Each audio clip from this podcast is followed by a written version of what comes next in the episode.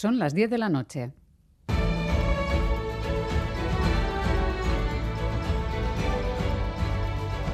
Radio Euskadi y Radio Vitoria. Servicios informativos.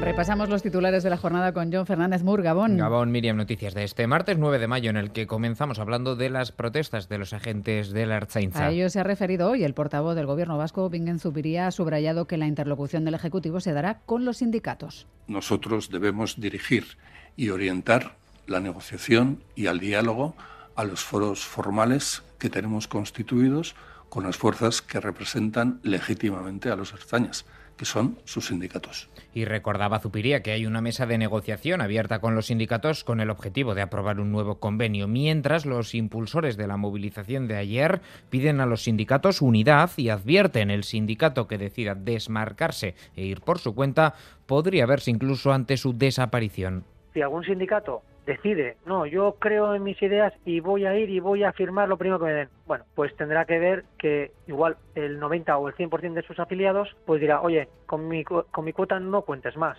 Igual ese sindicato pues tiende a desaparecer. Yo pago religiosamente mi cuota, por tanto pido que se me haga caso cuando yo solicito algo. Pero si quien me tiene que defender hace lo contrario, ¿para qué les voy a pagar?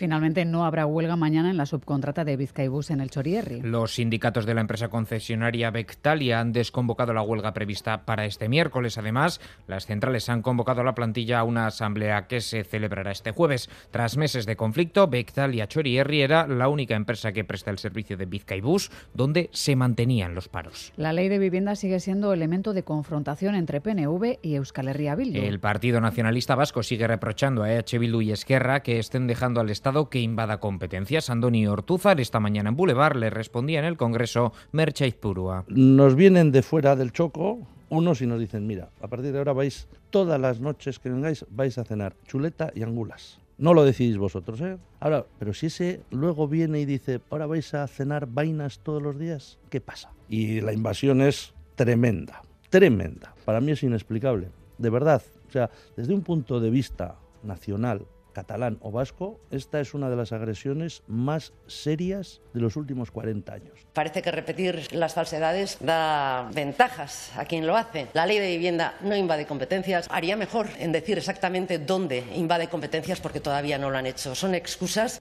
El Tribunal Constitucional ha avalado de forma definitiva la ley del aborto de 2010. Sí, rechazando el recurso presentado por el PP en su día. Por tanto, queda ratificado el derecho de la mujer a interrumpir el embarazo en las primeras 14 semanas de gestación de forma libre. El Ministerio de Universidades confirma que la filología vasca continuará como área de conocimiento. El Ministerio ha señalado a PNV y Euskal Herria Bildu que adoptará la solución pertinente para que la nueva legislación no afecte ni modifique negativamente áreas de conocimiento específicas como son las filologías vasca, catalana o gallega. Escuchamos la valoración de la senadora Yelzale Rosa Peral y de la diputada de H. Bildu Belpozueta. El ministro ha escuchado nuestras reivindicaciones, pero nosotros seguimos reivindicando que debe aparecer específicamente en ese ámbito de conocimiento con su nombre la filología vasca. La carrera de filología vasca seguirá siendo un ámbito de conocimiento específico. Hemos conseguido aclarar y solucionar satisfactoriamente el problema. En página internacional, Rusia ha celebrado hoy el Día de la Victoria. Día que conmemora la victoria sobre el nazismo en la Segunda Guerra Mundial, pero que ha transcurrido con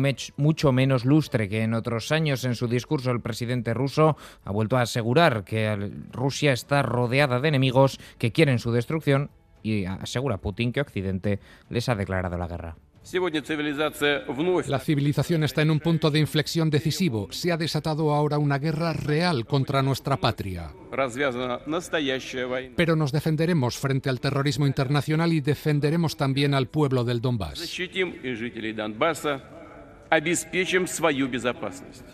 Y en el este de Ucrania ha fallecido un periodista de la agencia France Press. Sí, en un bombardeo cerca de la ciudad de Bakhmut, Arman Soldin, de 32 años, viajaba con cuatro compañeros más y un grupo de militares ucranianos. Con esta noticia terminamos. Más noticias en una hora y en todo momento en itv.eus y en la aplicación ITV Albisteac. Geroarte.